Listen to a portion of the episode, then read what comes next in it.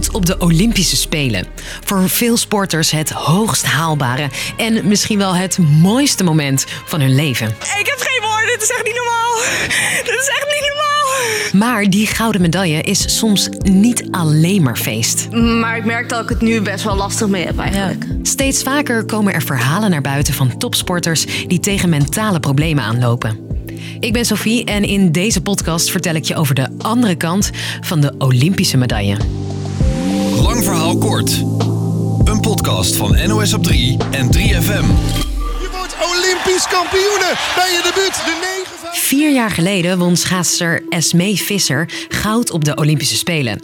Maar van die medaille heeft ze nog maar weinig kunnen genieten. Ik moet dat niet vergeten. Dat zijn echt, dit was eigenlijk ja, gewoon het mooiste moment uit mijn leven tot nu toe, denk ik. Ja, dat drong eigenlijk dit jaar echt pas tot me door.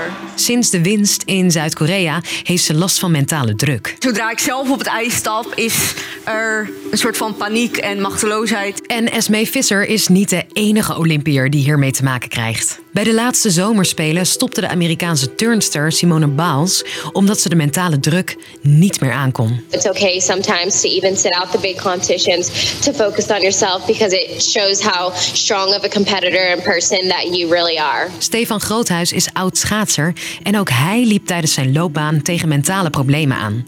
Hij kwam daar tien jaar geleden als een van de eerste Nederlandse sporters vooruit. Wat ik wilde winnen was natuurlijk ook een Olympische titel of een wereldtitel. Nou, dat lukte niet. Uh, maar tegelijkertijd had ik eigenlijk wel heel veel andere prijzen wel gewonnen. Dus ik had eigenlijk best wel veel om wel trots op te zijn. Maar dat was ik totaal niet. Ik, ik vond mezelf echt een complete loser eigenlijk.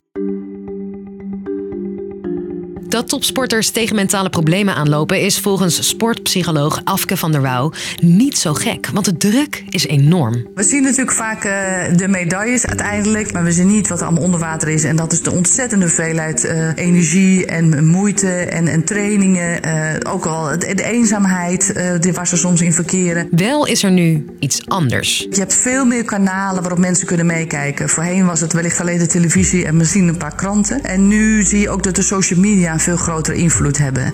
En ook een veel directer invloed, omdat je ze ook via personal messages uh, kan benaderen. En waardoor ze ja, echt niet altijd leuke berichtjes uh, binnenkrijgen. Zeker als ze het niet goed hebben gedaan. Naast deze prestatiedruk speelt er nu nog iets: corona. De onzekerheid door het virus zorgt voor nog meer druk. De Nederlandse skiester Adriana Jelinkova doet voor het eerst mee aan de Spelen. Of nou ja, date. Ze ging eerder naar huis omdat ze de druk van corona niet meer aan kan. Hele lastige dagen achter de rug. Um, enorm veel stress gehad. Maar wat was er aan de hand dan?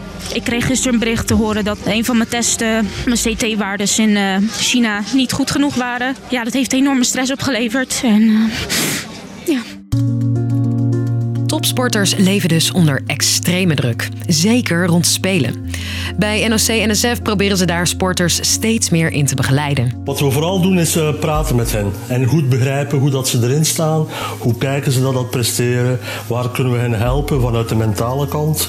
En daarvoor hebben we een team bij NOC-NSF van onder andere sportpsychologen en psychologen die hen bijstaan. En niet alleen sporters krijgen begeleiding, ook coaches. Waarbij dat uh, coaches uh, oefeningen krijgen, video's, podcasts, factsheets, dat ze met de sporters kunnen delen. Om in feite als een soort van leervormingsprogramma, opleidingsprogramma te werken. Dus zoals je een technische vaardigheid zou aanleren, leren we ook mentale vaardigheden aan. Toch is er volgens oudschaatser Stefan Groothuis nog veel te verbeteren. Ik vind dat daar tegelijkertijd ook wel een soort zorgtaak is vanuit die begeleiding om te kijken of die sporters ook zeg maar, als mensen gewoon goed functioneren en of ze eigenlijk wel gelukkig zijn. Maar ook zaken als bijvoorbeeld dat zelfs nu steeds jonge topsporters bijvoorbeeld al gecentraliseerd worden, waarbij je dus krijgt dat vrij jonge sporters op hun 15e, 16e helemaal aan de andere kant van het land moeten gaan wonen en helemaal in een topsportklimaat gaan leven.